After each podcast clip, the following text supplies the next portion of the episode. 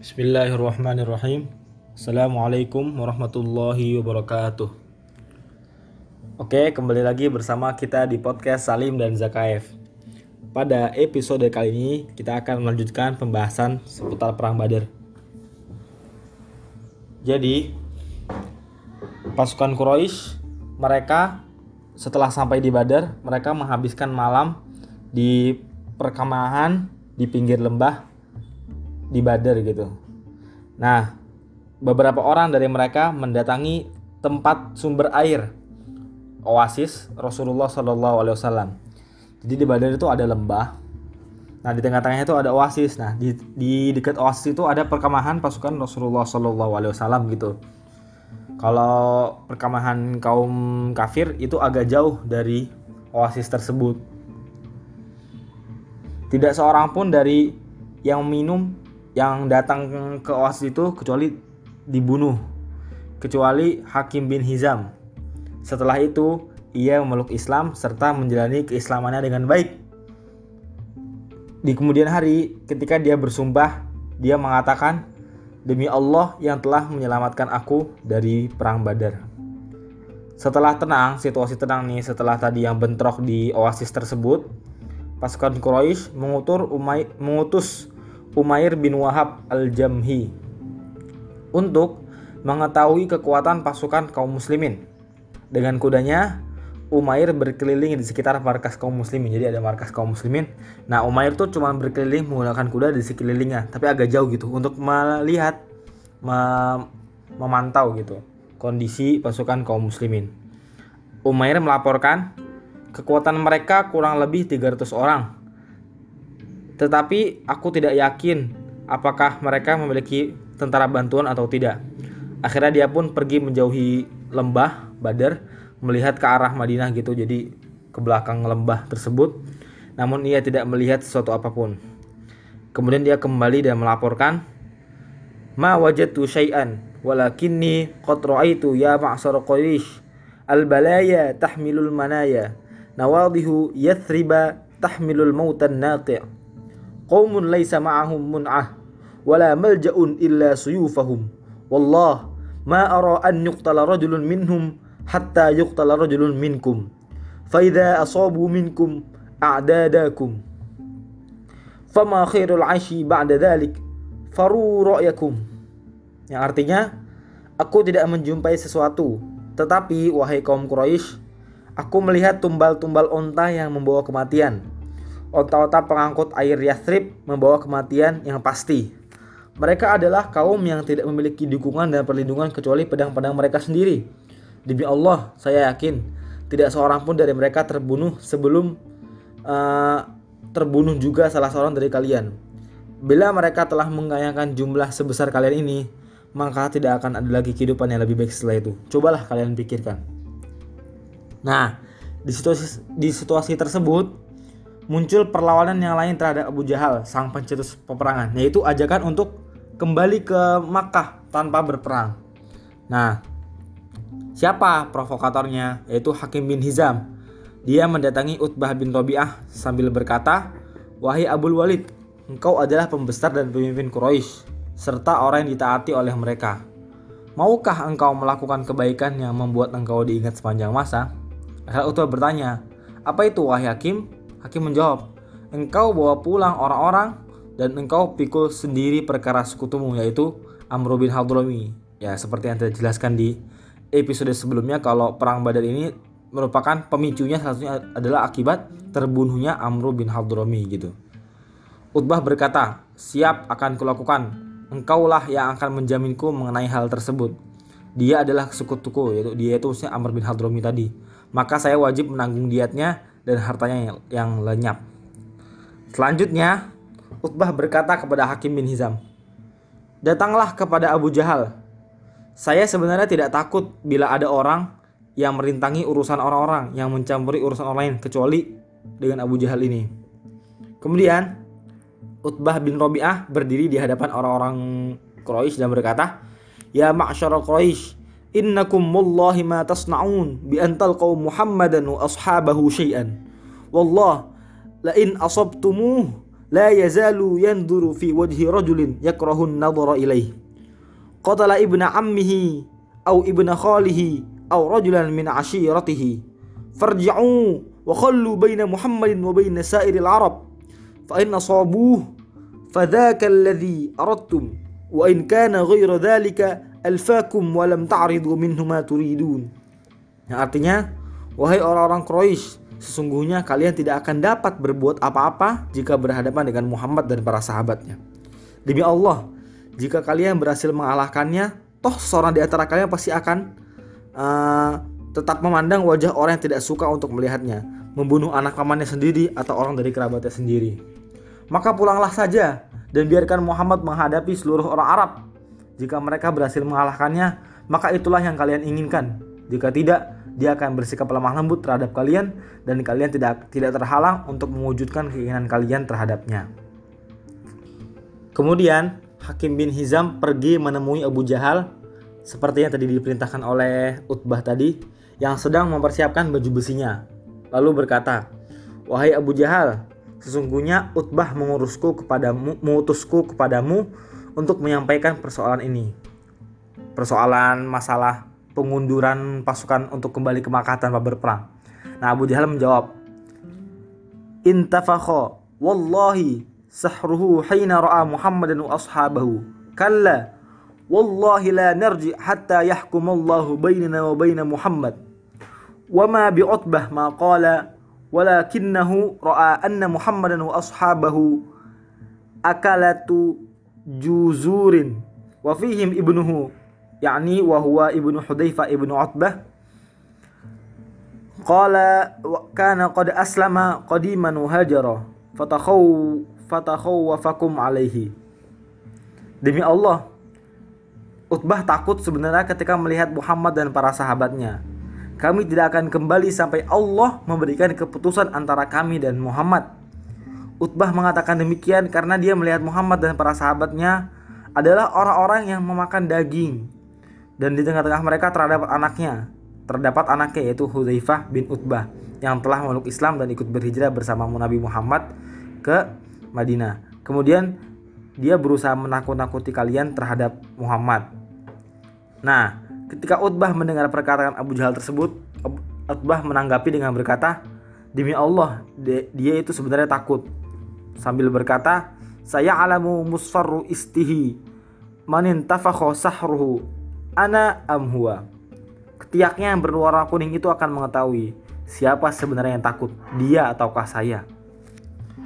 Karena khawatir perlawanan tersebut semakin menguat, Abu Jahal segera mengambil tindakan ia memanggil Amir bin Hadromi yang mana adalah saudara dari Amr bin Hadromi yang terbunuh uh, dalam itu sebagai pemicu perang Badar ini kemudian berkata berkata kepada Amir bin Hadromi tadi sekutumu yaitu Utbah ingin membawa pulang orang-orang sedangkan engkau telah melihat musuhmu dengan mata kepalamu sendiri maka bangkitlah dan serukanlah tuntutan pembelaanmu yang harus kau dapatkan dan dan kematian saudaramu. Amir pun akhirnya kembali memberikan mem memanas-manasi gitu akan kematian saudaranya agar pasukan kafir tetap semangat untuk berperang melawan kaum muslimin.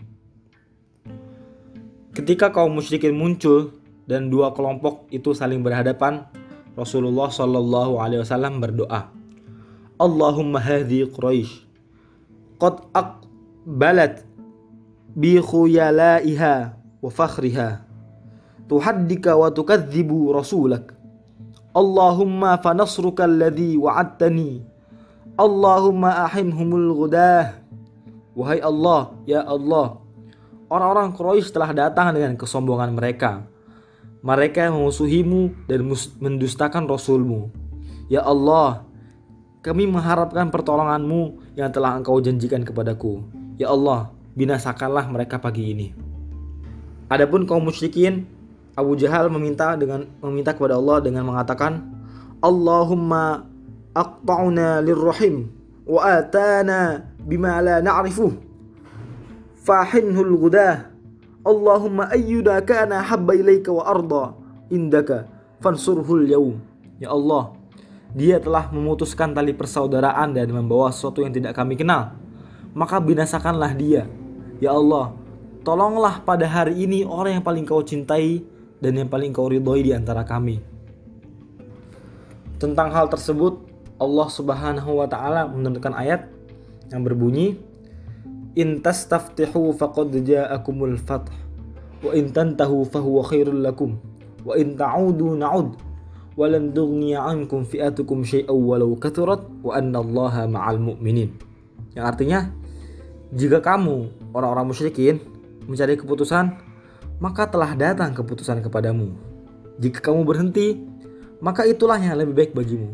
Dan jika kamu kembali, niscaya kami akan kembali pula dan angkatan perangmu sekali-kali tidak akan dapat menolak bahaya apa pun dari kamu meskipun dia banyak dan Allah beserta orang-orang yang beriman.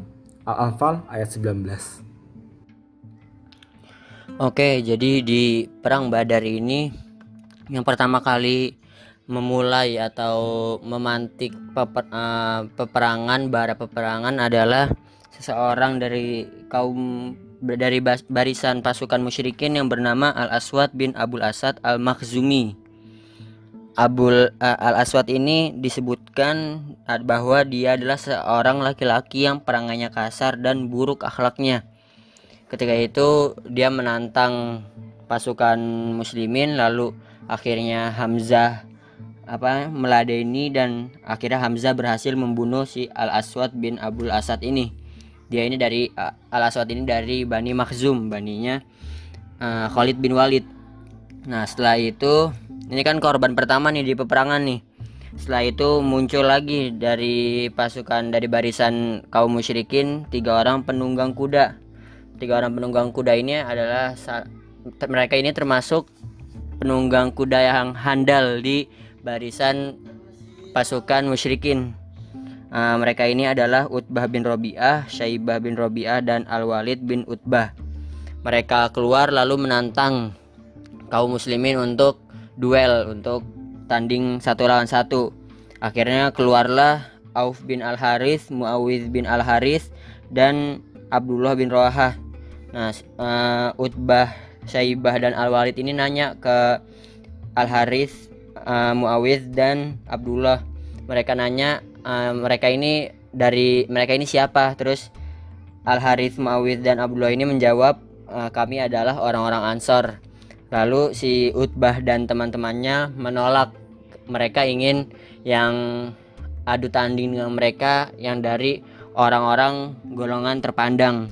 Akhirnya Rasulullah Shallallahu Alaihi Wasallam menunjuk Ubaidah bin Al Harith Hamzah bin Abdul Muthalib dan Ali bin Abu Talib mereka keluar uh, untuk melawan Utbah Syaibah dan Al-Walid. Akhirnya mereka bertiga tanding satu lawan satu. Uh, siapa namanya? Ubaidah melawan Utbah, Hamzah melawan Syaibah dan Ali berhadapan dengan Al-Walid. Hamzah dan Ali tidak mengalami kesulitan ketika melawan Syaibah dengan Al-Walid, tetapi Ubaidah yang paling tua di antara mereka bertiga mengalami kesulitan karena uh, Ubaidah kakinya putus. Kakinya terkena sabetan pedang Utbah. Nah, lalu Hamzah dan Ali membantu Ubaidah dan akhirnya Utbah bin Robiah terbunuh.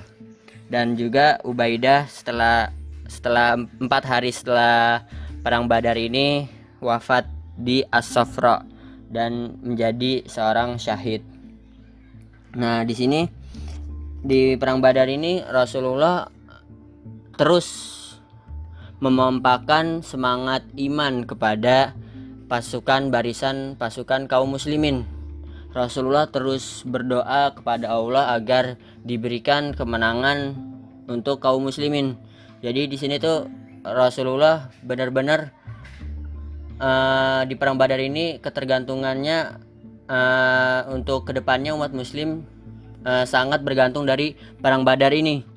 Kalau misalnya di perang Badar ini kalah, maka uh, umat Muslim atau barisan pasukan Muslimin uh, tidak akan ada lagi di Arab, bahkan tidak akan ada lagi di bumi dan mungkin saja jika uh, pasukan kaum Muslimin di perang Badar ini kalah, tidak ada lagi nanti orang-orang uh, yang menyembah Allah. Nah, di sini tuh sebelum eh, perang Badar dimulai kan Rasulullah meluruskan barisan, merapikan barisan. Di sini Rasulullah berdoa, "Ya Allah, penuhilah bagiku apa yang Engkau janjikan kepadaku. Ya Allah, sesungguhnya aku mengingatkanmu akan sumpah dan janjimu." Nah, di sini Rasulullah terus berdoa. Bahkan saat pas perang juga Rasulullah berdoa. Rasulullah berdoa yang doanya cukup terkenal. Aneh sebutin bahasa Indonesianya aja. Ya Allah, jika pasukan ini hancur pada hari ini, tentu engkau tidak akan disembah lagi ya Allah, kecuali jika memang engkau menghendaki untuk disembah untuk selamanya setelah hari ini. Rasulullah sangat khusyuk dalam berdoa. Sampai-sampai selendang Rasulullah jatuh dan Rasulullah Shallallahu Alaihi Wasallam sendiri nggak sadar kalau selendangnya jatuh sampai-sampai diingetin sama Abu Bakar. Abu Bakar mengingatkan cukuplah bagi engkau wahai Rasulullah untuk terus-menerus memohon kepada Rob engkau. Terus di sini Rasulullah eh, Allah Subhanahu wa taala mewahyukan kepada Rasulullah akan datangnya bantuan dari malaikat. Di sini jadi di perang Badar ini uh, ketika peperangan baru berjalan, pasukan muslimin memakai strategi defensif. Mereka pasukan muslimin tidak menyerang pasukan kaum musyrikin. Jadi yang nyerang di sini kaum musyrikin. Nah, pasukan muslimin tetap berada di tempat masing-masing mempertahankan wilayah uh, diri mereka masing-masing. Nah, di strategi ini di awal peperangan cukup uh, cukup efektif sampai ketika berita malaikat sudah bantuan dari malaikat sudah datang akhirnya Rasulullah Shallallahu Alaihi Wasallam menerapkan strategi menyerang Nah, di sini pasukan muslimin disuruh untuk menyerang. Nah, pas menyerang ini uh, banyak dari pasukan kaum musyrikin uh, jatuh uh, tewas apa jatuh korban. Ketika berita datangnya bantuan dari golongan malaikat, Rasulullah diserang kantuk atau diserang ngantuk hanya dalam sekejap doang. Dan setelah itu Rasulullah uh, berkata bersabda kepada Abu Bakar, "Wahai Abu Bakar, inilah Jibril yang datang di atas golongan eh di atas gulungan-gulungan debu." Nah, di sini setelah Rasulullah Shallallahu alaihi wasallam bersabda seperti itu, Rasulullah keluar dari pintu tenda, melompat dari sana dengan mengenakan baju besi seraya membaca ayat sayuhzamul jam'u wa dubur yang artinya golongan itu pasti akan dikalahkan dan mereka akan mundur ke belakang.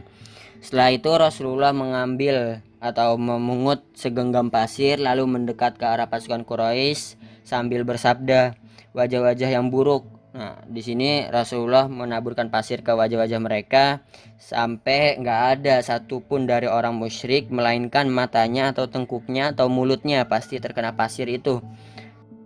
Akhirnya pertempuran berjalan seperti yang sudah tadi dijelaskan. Kaum musyrikin semakin terdesak dan beberapa kisah tentang bantuan dari malaikat ini ada juga dari para sahabat. Misalnya ada ketika sahabat lagi perang nih, lagi perang ada dari pasukan musyrikin yang tiba-tiba kepalanya tertebas uh, tanpa siapa tahu yang menebasnya tangannya putus tanpa siapa tahu yang menebasnya. Dan juga uh, dari paman Rasulullah Shallallahu Alaihi Wasallam sendiri bersaksi jadi ketika itu ada seorang ansor datang membawa Al Abbas bin Abdul Muthalib. Al Abbas ini kan paman Rasulullah Shallallahu Alaihi Wasallam ya Nah, di sini tuh Al Abbas berkata, "Demi Allah, bukan orang ini yang tadi menawanku. Tadi aku ditawan se seorang laki-laki botak yang wajahnya sangat tampan menunggu seekor kuda yang gagah. Aku tidak pernah melihatnya ada di tengah-tengah mereka. Terus orang Ansor ini tetap kekeh apa namanya bahwa dia yang menawan Al Abbas, tapi Rasulullah Shallallahu Alaihi Wasallam bersabda, diamlah kau karena Allah telah membantumu dengan seorang malaikat yang mulia. Nah, jadi gitu sekiranya gambaran tentang perang Badar dan gambaran ini belum selesai jadi masih akan berlanjut di episode selanjutnya. Uh, jadi uh, episode kali ini segini dulu kurang lebihnya mohon maaf semoga bermanfaat jangan lupa buat di share ke teman-teman kalian biar pinternya nggak sendiri aja Kurang lebihnya mohon maaf. Wassalamualaikum warahmatullahi wabarakatuh.